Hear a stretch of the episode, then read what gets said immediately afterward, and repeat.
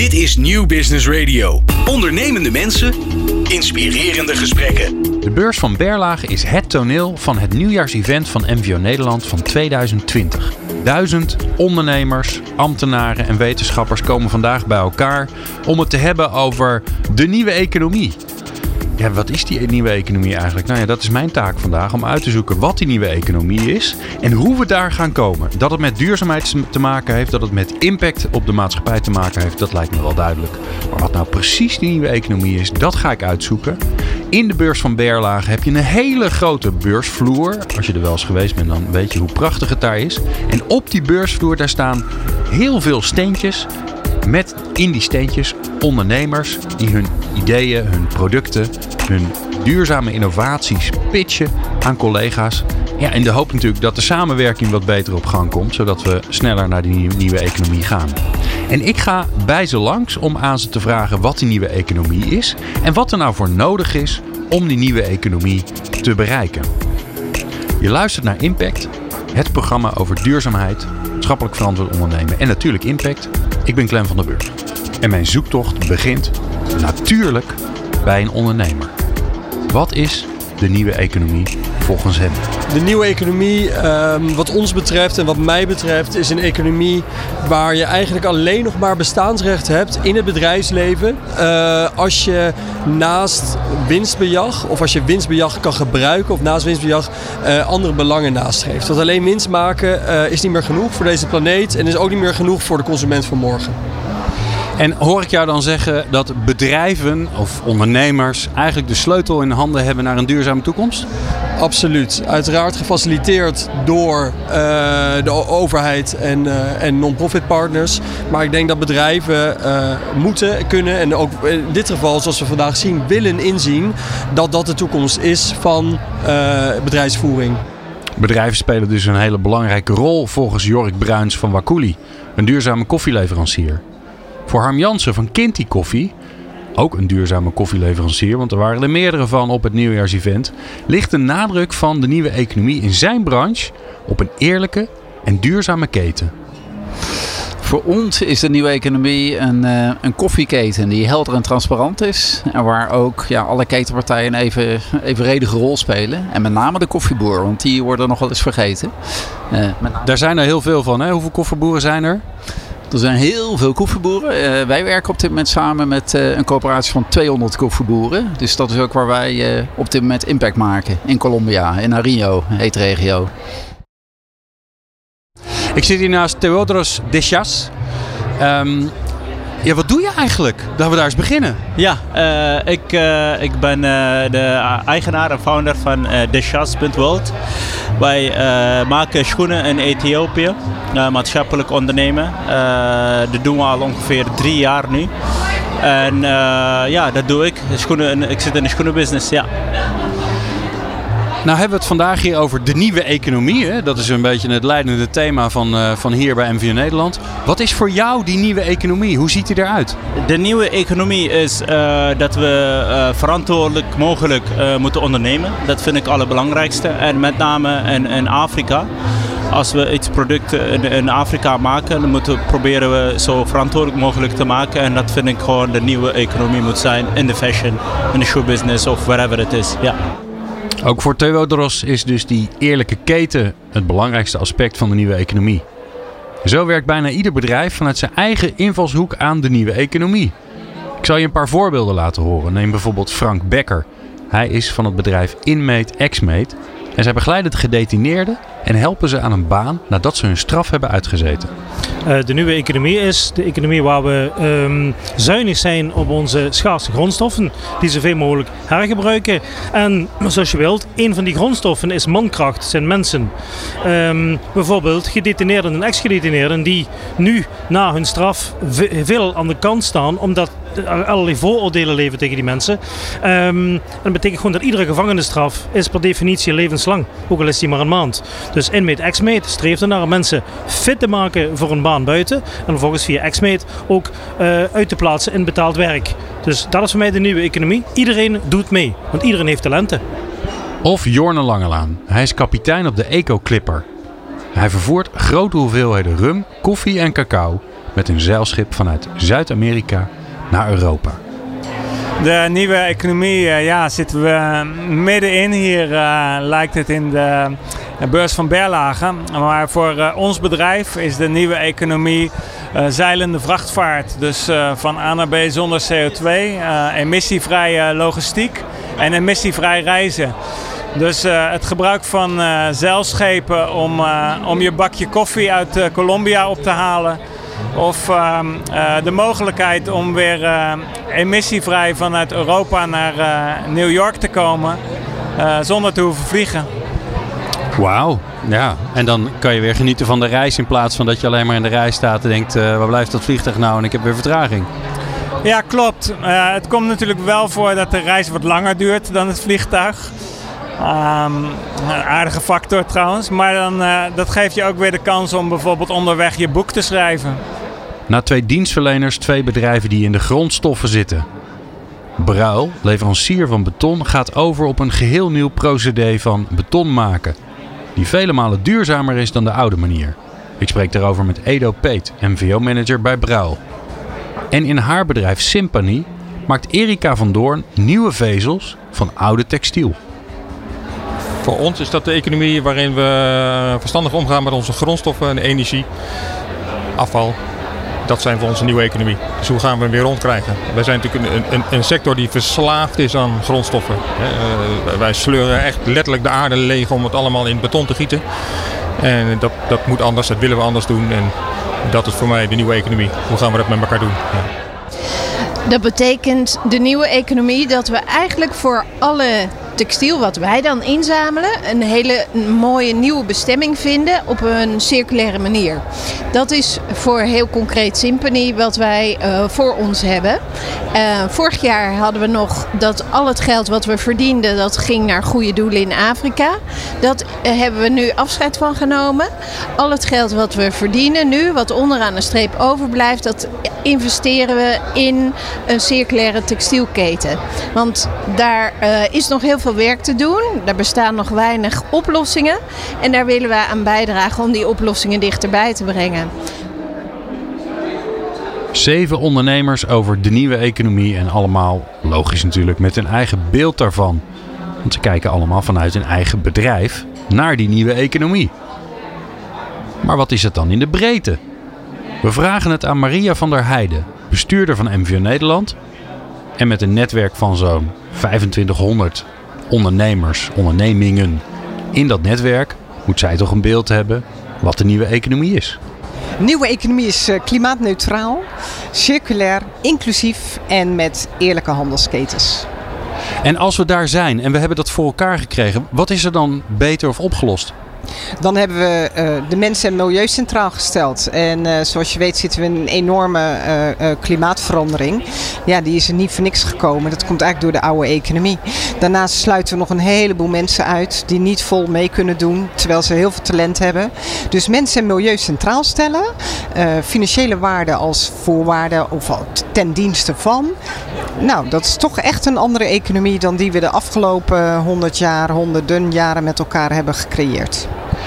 Als, een groot ding. Als we dat heel klein maken, Um, dan is er vast ergens een voorbeeld waarvan je zegt: Nou, kijk, daar gebeurt het al. Daar is die nieuwe economie eigenlijk al. Heb je die in je hoofd? En, en, waar is dat dan?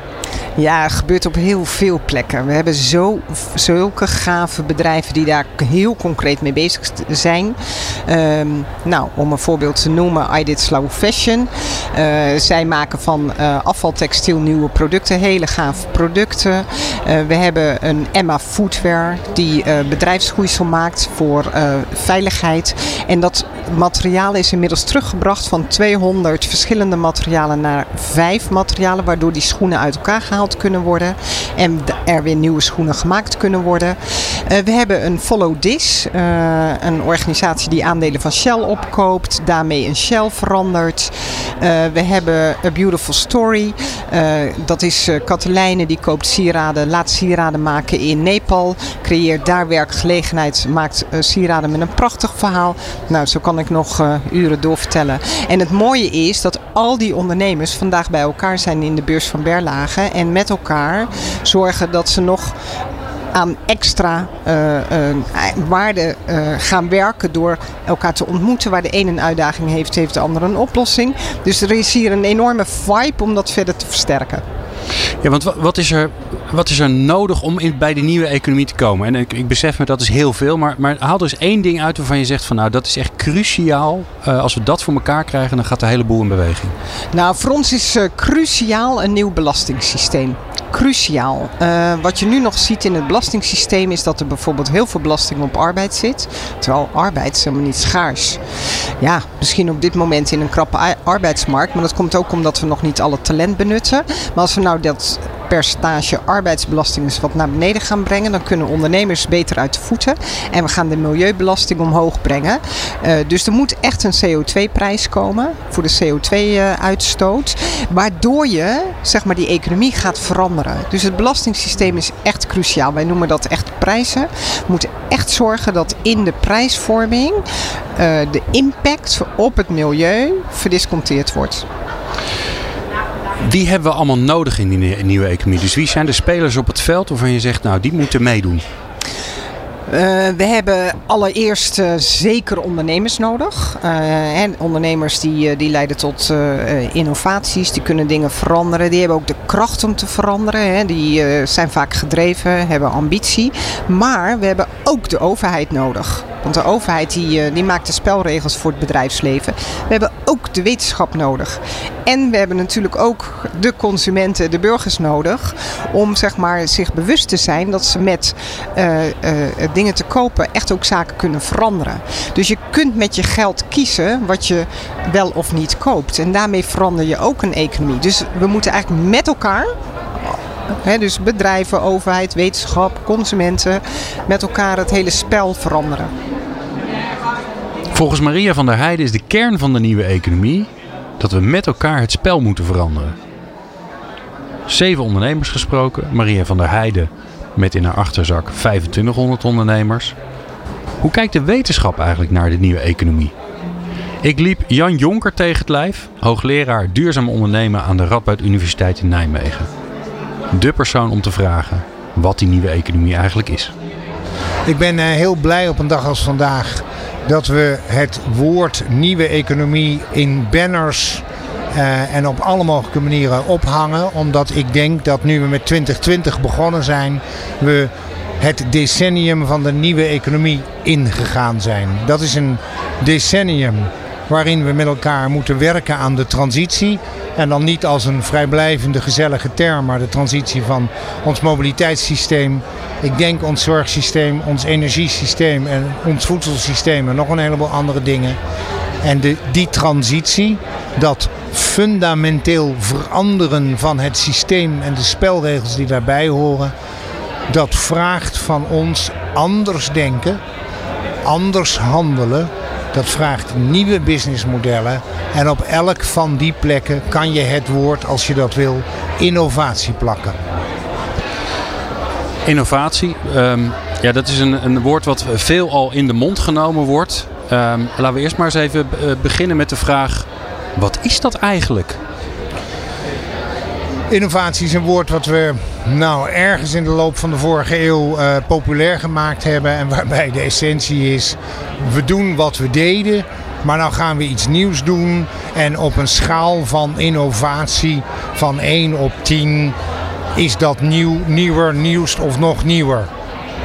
Tja, um, we hebben heel lang dat puur en alleen in het raamwerk, in het paradigma van de industriële economie gedaan.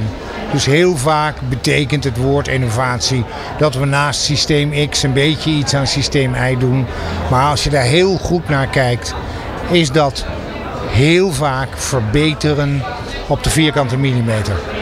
De nieuwe economie is een aanzet om dat denken over een andere economie met meer biodiversiteit, met minder materiaalgebruik, met meer aandacht voor inclusiviteit, met waardebehoud door middel van een circulaire economie en al die andere dingen, om die een plaats te geven, want die passen niet in een conventionele lineaire economie. Dat doen vraagt een hele serie aan innovaties Zowel aan de materiaalkant, aan de processenkant, aan de organisatiekant. En zo kan ik nog wel een hele poos doorgaan. Wat ik zelf heel interessant vind is dat ehm, ehm, duurzaamheid en innovatie steeds meer aan elkaar verbonden zijn. Hoe komt dat? Omdat we, ik denk als ik heel opgewekt ben, eindelijk het woord duurzaamheid serieus gaan nemen. Het woord is er natuurlijk al een hele poos en het is heel lang afgedaan met dan doen we ook een beetje duurzaam. Nee, duurzaamheid komt nu in het centrum van de belangstelling te staan. De urgentie neemt toe. Misschien ook wel de risico's nemen toe. En misschien zijn we nog wel diep in ons hart veel meer risico gedreven. Maar oké, dat laat ik in het midden. En dat betekent dat als we echt kijken naar die duurzaamheidsvragen. Wat betekent het dat we van single-use plastic af willen? Wat betekent dat nou? Nou, dat is niet alleen een materiële opgave, maar dat is een logistieke opgave en een organisatorische opgave en een mentale opgave. En dat samen is een fundamentele roep om innovatie. Dus duurzaamheid en innovatie, als je dat serieus neemt, maar je mag voor mij ook circulaire economie invullen, gaan, denk ik, het komende decennium hand in hand.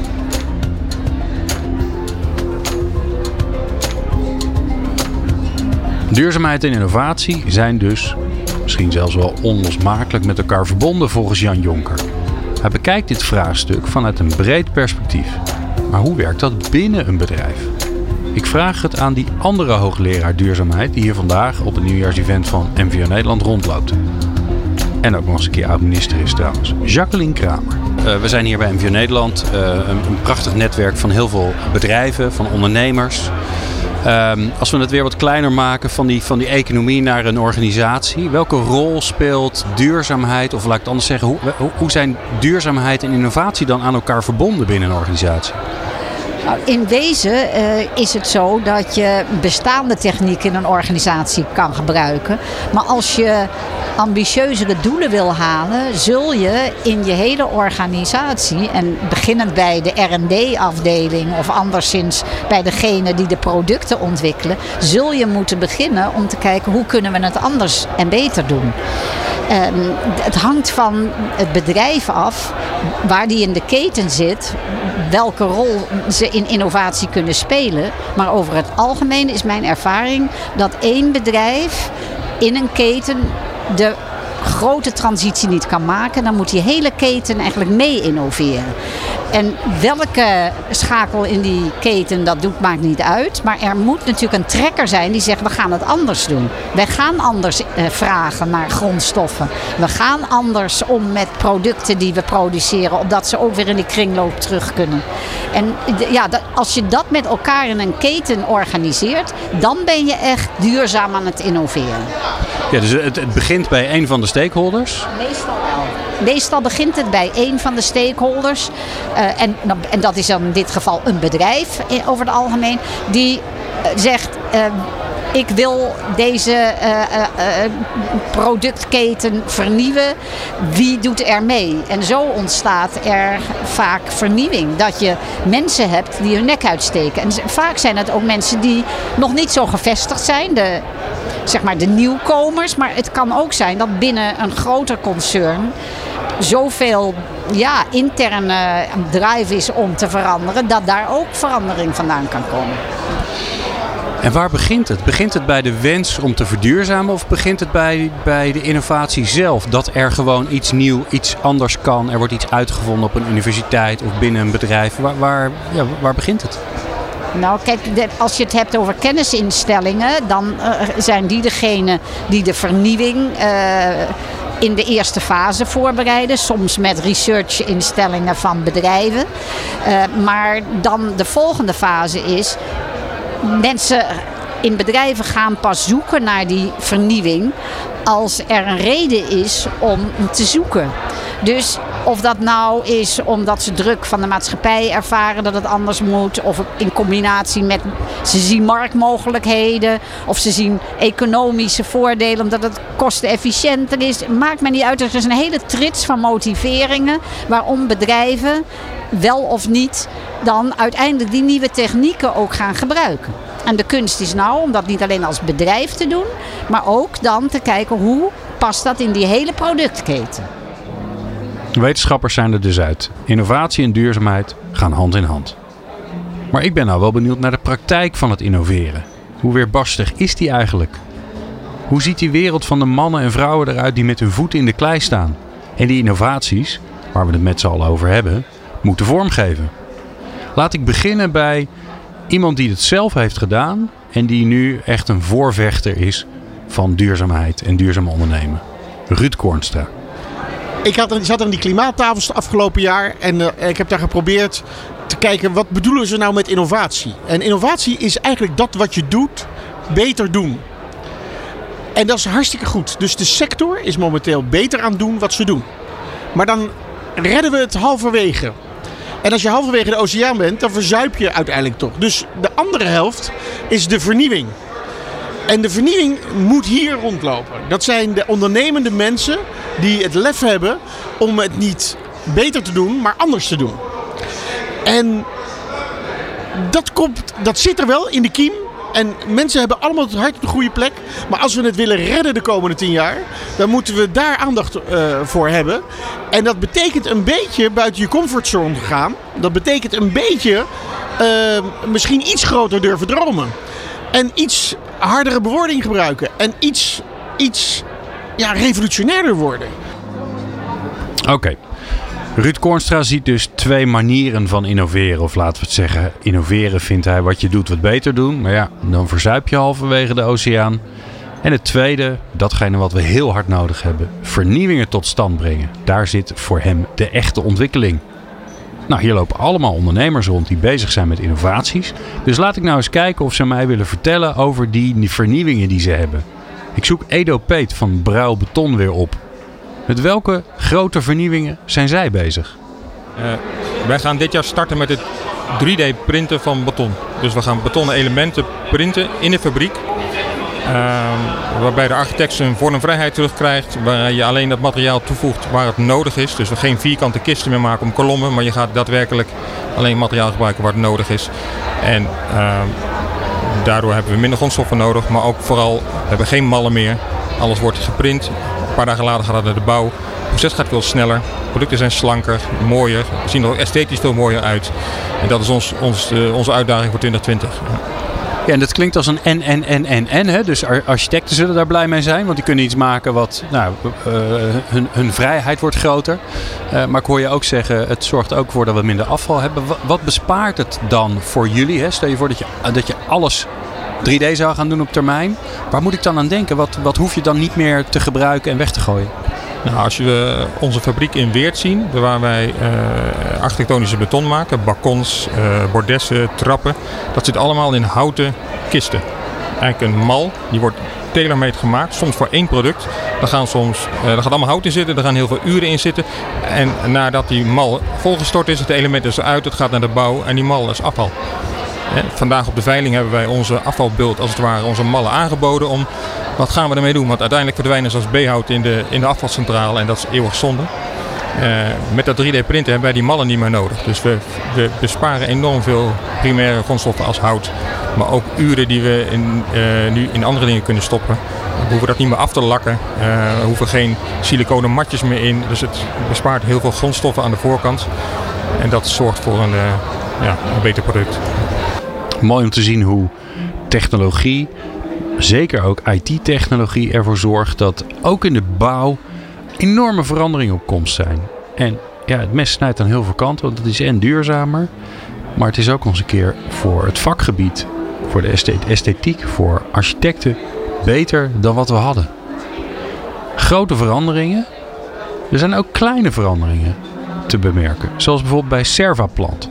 Met de aanplant van een speciaal soort kruid, de Artemisia, rond akkerbouwpercelen, lokken ze de natuurlijke vijanden van de bladluis. En die kunnen hierdoor geen schade meer aanbrengen aan het ge gewas. Luister even naar Claudia Kuling. Onze innovatie is dat wij samenwerken met insecten om uh, schadelijke bladluis tegen te werken. In plaats dat uh, insecticiden worden benut. Oké, nou dat is een, een, groot vraagstuk natuurlijk wat opgelost moet worden. Het gebruik van allerlei uh, gewasbescherming waar, waar, we allemaal van willen dat het naar beneden gaat. Hoe, hoe, gaat. hoe gaat het in zijn werk? Wat is het innovatieve eraan wat jullie doen? Innovatief is dat wij Artemisia, een inheemse Artemisia inzetten met Artemisia bladlaus. Die kweken wij. Dat is de voedselbron voor alle insecten die bladlaus eten. Die trekken wij aan en die worden hiermee opgekweekt. Mm, die kruidenstroken worden uh, aangeplant naast het gewas. En wij werken ook met uh, kruiden als nectarbron. En dat zijn weer speciale kruiden, wilde kruiden, die ook weer heel aantrekkelijk zijn voor deze natuurlijke vijanden van de bladlaus. En een belangrijke voedselbron zijn. En met deze twee stroken, artemisia en kruiden, um, kunnen wij de um, goede insecten optimaal steunen om hun werk te doen tegen, in de strijd tegen bladlaus. Ik ga het palet nog veel kleuriger, nog veel uitgebreider maken. Dus we hebben de bouw gehad, we hebben uh, akkerbouw gehad. Laten we nu eens even gaan kijken naar een andere, aantal andere innovaties. Te beginnen bij Jeroen Korvers van Koors Interieurbouw. Nou ja, naast uh, uh, het organisatorische gedeelte van, uh, van het bedrijf ja, kijken we uiteraard ook naar nieuwe producten. En niet geheel toevallig zijn wij deze maand gestart met het op de markt brengen van een nieuwe meubellijn. En dat doen we onder de merknaam Wellsign. Dat is een combinatie van de Wellbeing Standard en design. En dat maakt Wellsign. En dat is eigenlijk een meubellijn die voor de kantorenmarkt bedoeld is. En eigenlijk bestaat uit geheel circulaire meubels. Het wordt een circulaire lijn. Um, daar praten heel veel mensen over. Dit is een mooi voorbeeld om nou eens uit te leggen waarom dit nu circulair is. Dus hoe zit het proces in elkaar wat uiteindelijk volgt? Ja, uiteindelijk komt er gewoon een tafel of een stoel of, een, of iets anders uit. Waarom is dat nou circulair? Ja. Nou, even om uit te leggen, hoe uh, werkte het eigenlijk voorheen met normale, het normaal gebruik van materialen? Hè? Is dat dat uit nieuwe grondstoffen eigenlijk plaatmaterialen maakt? Hè? Dat wordt gebruikt om meubels te maken. Nou, men wil een ander interieur hebben. de meubels worden weggehaald, weggegooid en that's it. Nou, de, de, de nieuwe manier van circulair gebruik is dat we eigenlijk uh, geen nieuwe materialen meer gebruiken, maar materialen die al gebruikt zijn en dat eigenlijk uh, gaan hergebruiken. Voor nieuwe materialen. Hè. Dat kan plaatmateriaal zijn, dus hè, van houtresten plaatmateriaal maken. Maar dat kan ook zijn van petflessen bijvoorbeeld stoelbekledingen maken. En eigenlijk de overtreffende trap waar we nu mee bezig zijn, is om uh, niet meer uh, de resten uh, bijvoorbeeld te vers verschedderen, maar juist her te gebruiken. Hè? Dus een, een, plaat niet te verschedderen, maar de plaat aan zich weer her te gaan gebruiken en te voorzien van een nieuwe coating bijvoorbeeld. Van de bouw naar de akkers, van de circulaire meubels gaan we naar een innovatie op het gebied van de mestproblematiek. Daan Steller van Dragonfly Water Solutions. Wij zijn bezig om een oplossing te bieden voor de boeren uh, voor de mestproblematiek. En uh, dat doen wij door middel van een apparaat wat in de mest gehangen kan worden. Waarbij we het fermentatieproces op gang brengen. Waarbij de, de aerobe bacteriën gestimuleerd worden om het fermentatieproces uh, ja, te, te door, doorgaan. Um, en ja, dat betekent uiteindelijk dat uh, de stikstof die anorganisch in de mest aanwezig is, organisch gebonden gaat worden. De ammoniak niet uitstoot, er geen emissie is. En deze stikstof op het land uitgereden kan worden. Een mooie, homogene mest, dus de boer heeft ook geen last meer met, met uitrijden. Um, deze stikstof wordt uitgereden op het land en is beschikbaar voor de planten. Dus op die manier helpen we de kringloop te sluiten. En het voordeel is, ik ben geen stikstof-expert, want de stikstof gaat er niet uit, alleen die wordt gebonden, waardoor nou, het gras, de gewassen hebben stikstof nodig om te groeien. En um, wij zorgen ervoor dat de stikstof die al aanwezig is op de boerderij, dat die op de boerderij kan blijven. En dat er niet een fertilizers van buitenaf hoeft te komen om die stikstofbehoefte te, te, vol, te voorzien. Oké, stel, je, stel je voor dat alle boeren jullie oplossing gebruiken. Wat betekent dat voor, dat voor de stikstofproblematiek die we hebben? Als alle boeren ons product gaan gebruiken, dan is het stikstofprobleem wat betreft de boeren opgelost. Um, en daarbij zullen ze nog ook een aantal andere simpele praktische maatregelen kunnen nemen om, uh, om daaraan bij te dragen. En van de mestproblematiek gaan we naar de innovatie bij Verstegen Spices and Sauces. Je weet wel van die kruidenpotjes in de supermarkt, of sterker nog, waarschijnlijk staan er een heleboel bij jou in de la. En die innovatie heeft alles met agroforestry te maken. Nou, Marianne van Cape, manager duurzaamheid bij Verstegen, legt uit wat dat is. Agroforestry is in feite het uh, systeem waarbij je van een monocultuur naar een permacultuur gaat. Dus uh, in plaats van dat je één gewas op een stukje grond hebt, doe je meerdere gewassen, waardoor je een betere balans krijgt. Goed voor de biodiversiteit, goed voor het milieu, waterhuishouding. Je hoeft minder pesticiden te gebruiken, je hoeft minder ongediertebestrijding te gebruiken. Maar het aller, aller, allermooiste, vind ik persoonlijk, is dat zo'n uh, boer die daarmee aan de slag gaat, die, krijgt, die gaat doen aan uh, risicospreiding en die krijgt een gelijkmatiger inkomen. Want ik praat natuurlijk wel over agroforestry in ontwikkelingslanden. In die landen waar onze kruiden, specerijen vandaan komen. Ja, en die kruiden en specerijen, die, um, uh, die, die verbouwen jullie niet zelf. Dus jullie gaan een innovatie doen bij je leveranciers. Hoe ga je dat voor elkaar krijgen? Ja, nou, we hebben ook geen enkele ambitie om, uh, om zelf uh, percelen grond te hebben in, uh, in landen waar wij niet thuis horen. maar we hebben er wel degelijk een belang bij. Het is niet zo dat wij dat zomaar doen omdat we heel altruïstisch zijn. Wij zijn best altruïstisch. Um, maar de, de, insteek is dat, dat wij die boeren willen leren kennen. Of de boerin trouwens. Er zijn heel vaak boerinnen tot mijn grote vreugde. En... Op het moment dat je dit soort programma's aan de slag gaat, dan kun je een boer rechtstreeks in zijn ogen aankijken. Je weet hoe die heet, je weet hoe zijn familiestructuur in elkaar zit. Uh, je kunt gaan nadenken, met hem gaan praten over zijn inkomen. En als je zo'n boer recht in zijn ogen kunt aankijken, dan kun je ook met hem praten over zijn toekomst. En dus ook over onze toekomst. En dat is ons belang daarin. Niet alleen Verstegen heeft te maken met boeren in ontwikkelingslanden. Ook de koffieleveranciers Harm Jansen en Jorik Bruins, we spraken ze al eerder, richten hun innovaties op kleine boeren in ontwikkelingslanden. Harm Jansen. Uh, wij zijn bezig in Colombia met biologische certificering van onze boeren. In samenwerking met de Nederlandse overheid, die subsidiëren dat.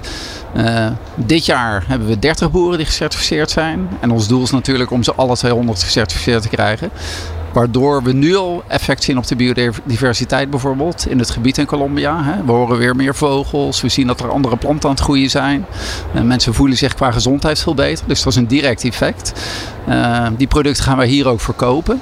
En uh, wij gaan natuurlijk met een aantal partners. Hè. We hebben partners in het, met name het kantorensegment. Hè. Daar zijn wij groot in met Kinty Koffie. En aan de andere kant met onze partner Jumbo, Jumbo Supermarkten. Waar we met Bochica Koffie ons merk liggen. Uh, daar zijn ook weer uh, ja, heel wat innovaties te verwachten op, op productniveau. Doe er eens één. Uh, ik denk dat wij gaan beginnen, hopelijk, bij Jumbo. Daar moeten we nog het gesprek over hebben. Maar met een assortimentsuitbreiding, waarschijnlijk ook met, met cupjes. en dan biologisch afbreekbare cupjes. Uh, dus uh, wat volledig in lijn is met ons verhaal. Is een groot segment en ook een segment waar wij denken dat we daarmee heel veel impact kunnen maken in de origine in Colombia. door daarop aan te sluiten. Er gebeurt veel in de koffiesector. Luister maar naar Jorik Bruins.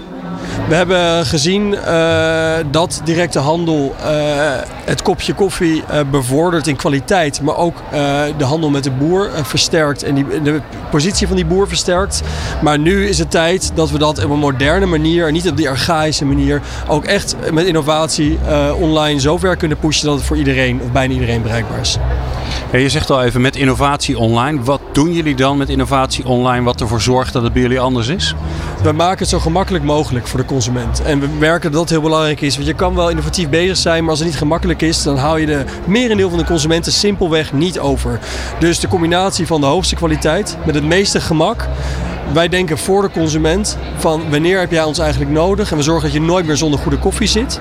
Daarnaast zorgen we dat we gebruik maken van overcapaciteit van al bestaande branders en we zorgen dat we zo, hè, zoals je dat zo mooi zeggen, lean mogelijk blijven, onbetaalbaar dat kopje koffie door de brievenbus te kunnen aanleveren.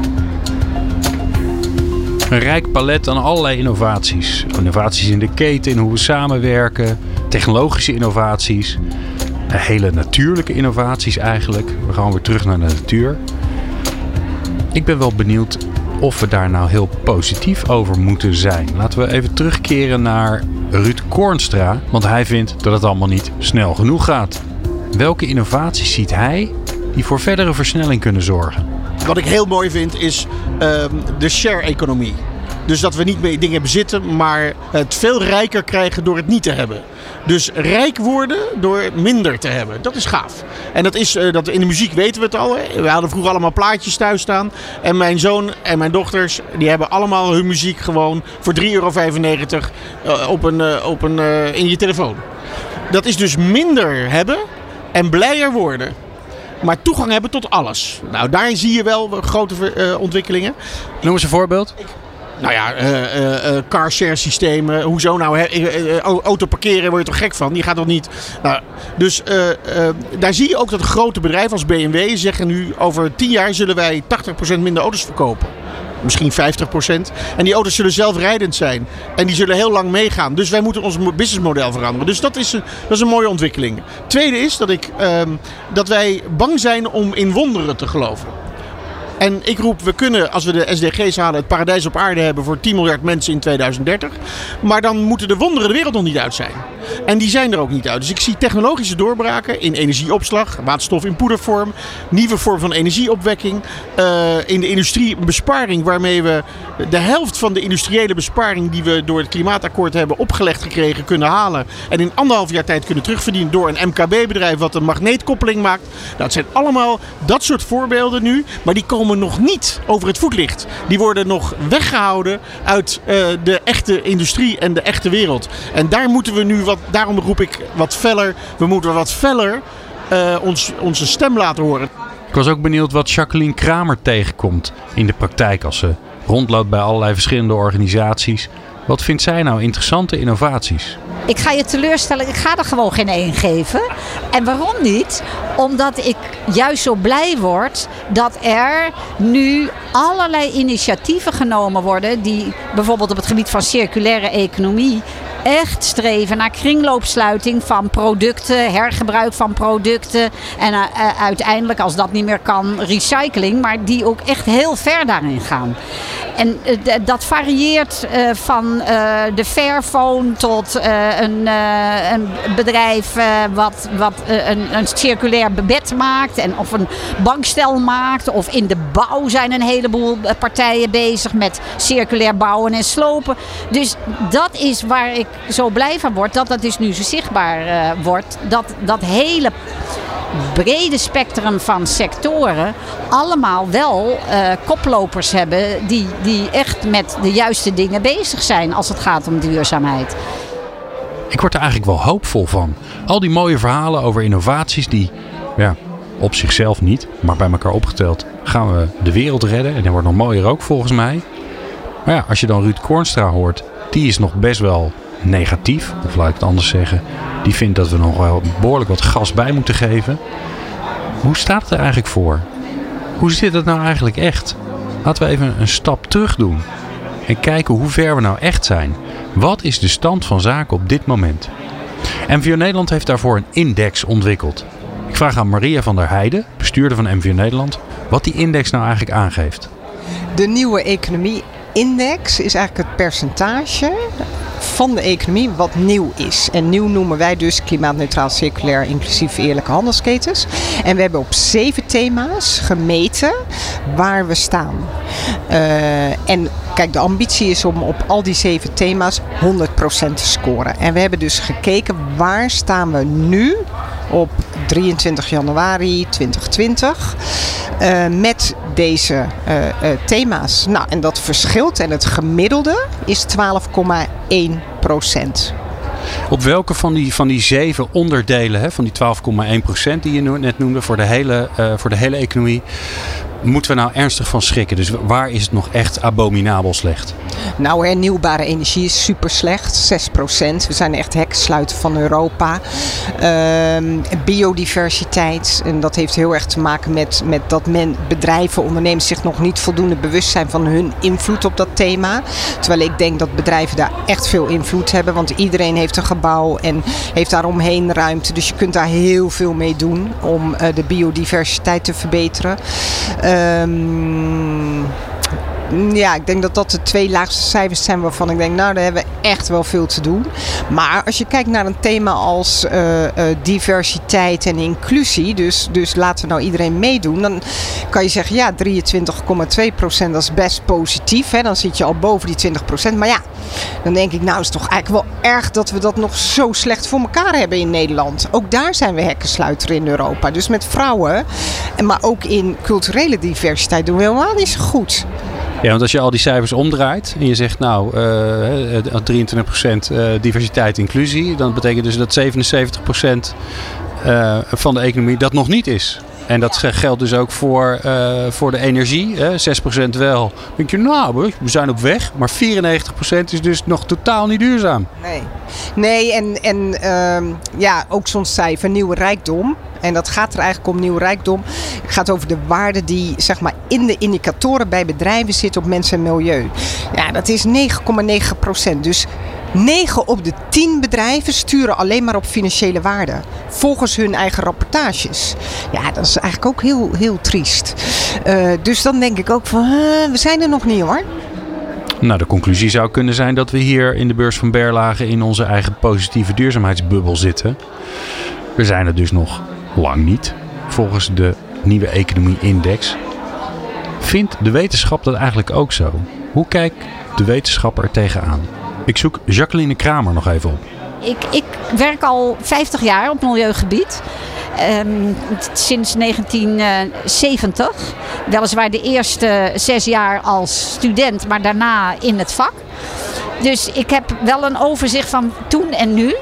En de wereld is wel in dat opzicht enorm veranderd. En het bewustzijn en de noodzaak om te handelen, die, die is echt uh, mega uh, groot geworden. Vergeleken bij de pionierstijd waar ik uh, nog onderdeel van was. Dus je bent hoopvol? In dat opzicht wel, maar we moeten wel enorm versnellen. Want de, het is natuurlijk steeds urgenter aan het worden. En als je ziet wat we moeten halen qua doelen, niet alleen in Nederland, maar wereldwijd, dan uh, heb ik af en toe wel eens een slag, slechte nacht. Ja. Ook onze oud-minister en hoogleraar met 50 jaar ervaring in de milieu-duurzaamheidswereld heeft nog wel eens een slechte nacht en is er dus nog niet helemaal gerust op. Er is volop werk aan de winkel. Dat vindt ook duurzaam ondernemer van het eerste uur, Ruud Kornstra. De macht van Nederland zit bij een paar mensen en een paar bedrijven. Instituten. Die zijn zo groot en die verdienen hun geld en werkgelegenheid op een hele oude economie.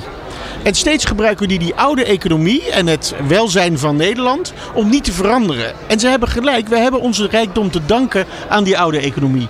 Maar als we te lang in de oude economie blijven, dan gaan we ten onder. Dus we moeten omschakelen. En het zit in Nederland zo vast dat we de beste zijn in de vernieuwing de meest innovatieve regio ter wereld. Maar de slechtste zijn in de implementatie. We zijn dus de beste op alle gebied in, in vernuft. Maar we zijn het vieste jongetje van Europa. Samen met Luxemburg, maar ja, dit hoort een beetje bij ons. Dus als je je dat dan realiseert, denk je, daar gaat dus iets mis in de implementatiekant. En dat betekent dat sectoren kunnen niet vernieuwen. Maar die moeten dus de deur openzetten voor de vernieuwers. En die deur gaat niet open. Ik heb aan die klimaattafel gezeten. We hebben ze binnengebracht en in de laatste twee weken is het uit de rapporten geschreven. Ja, dat moet er even uit allemaal. Dat is precies waar het over gaat. En dat andere is ook nodig. Dus ik ben niet tegen grote bedrijven. Niet tegen de bestaande instituties. Maar ze moeten hem omwillen. En dat, dat is de olifant in de kamer. Ze roepen het wel, maar ze doen het niet. Ze roepen het wel, maar ze doen het niet. Ja, hoe kijk ik nou terug op zo'n hele dag met al die gesprekken op zoek naar die nieuwe economie waar we allemaal naartoe willen? En die weg die nog af te leggen is. Nou, als ik even een resume over doe, dan denk ik... We zijn een stukje onderweg, 12% gemiddeld. Dat valt niet tegen, maar het is ook nog wel een hele hoop te gaan. Als je dan omdraait, dan weet je dat je nog 88% te gaan hebt. Nou, als een marathon is, dan eh, zijn we dus eigenlijk net pas op weg. En al die mooie verhalen van die ondernemers, die zorgen er ook wel weer voor. Want er zitten hele grote en hele kleine ondernemers bij dat je bij jezelf denkt, ja, weet je, als we dat allemaal gaan toepassen, dan, dan schiet het wel op. Als ik wat langer terugkijk, want ik loop ook al een tijdje rond, dan denk ik, er is wel echt wel een kantelpunt bereikt hoor. Want we hoeven het er niet meer over te hebben dat we iets moeten gaan doen. Het gaat er alleen over wat moeten we doen, hoe gaan we dat voor elkaar krijgen. Dus ja, wat moet ik hier nou eigenlijk mee? En wat moet jij hier nou eigenlijk mee? Nou, een van de, mijn conclusies is eigenlijk dat een van de vraagstukken is: hoe zorgen we ervoor dat we van elkaar weten hoe we elkaar kunnen helpen? En dan denk ik dat daar voor mij dan maar de sleutel ligt voor mijn eigen, nou ja, datgene wat ik zelf kan bijdragen. Zorgen dat er verhalen gedeeld worden over hoe je het anders kan doen, wat voor mooie innovaties er zijn. En kijken of ik die mensen bij elkaar kan brengen op pad of in de studio. En als we dan naar elkaar luisteren, bijvoorbeeld door te luisteren naar Impact, het programma wat ik maak, ja, dan help ik volgens mij een beetje om ervoor te zorgen dat we op weg gaan naar die nieuwe economie. Dus, als jij denkt dat dat ook helpt, luister dan naar de volgende afleveringen van Impact. En je kunt natuurlijk ook terugluisteren, want er is al het een en ander gemaakt. Ga dan naar impact.radio. Heb je ideeën? Heb je een verhaal wat gedeeld moet worden, wat verteld moet worden? Laat het mij dan weten. Stuur een mailtje naar info.impact.radio. En dan uh, zorg ik dat jij voor de microfoon komt. Nieuw Business Radio. Ondernemende mensen, inspirerende gesprekken. Let's talk business.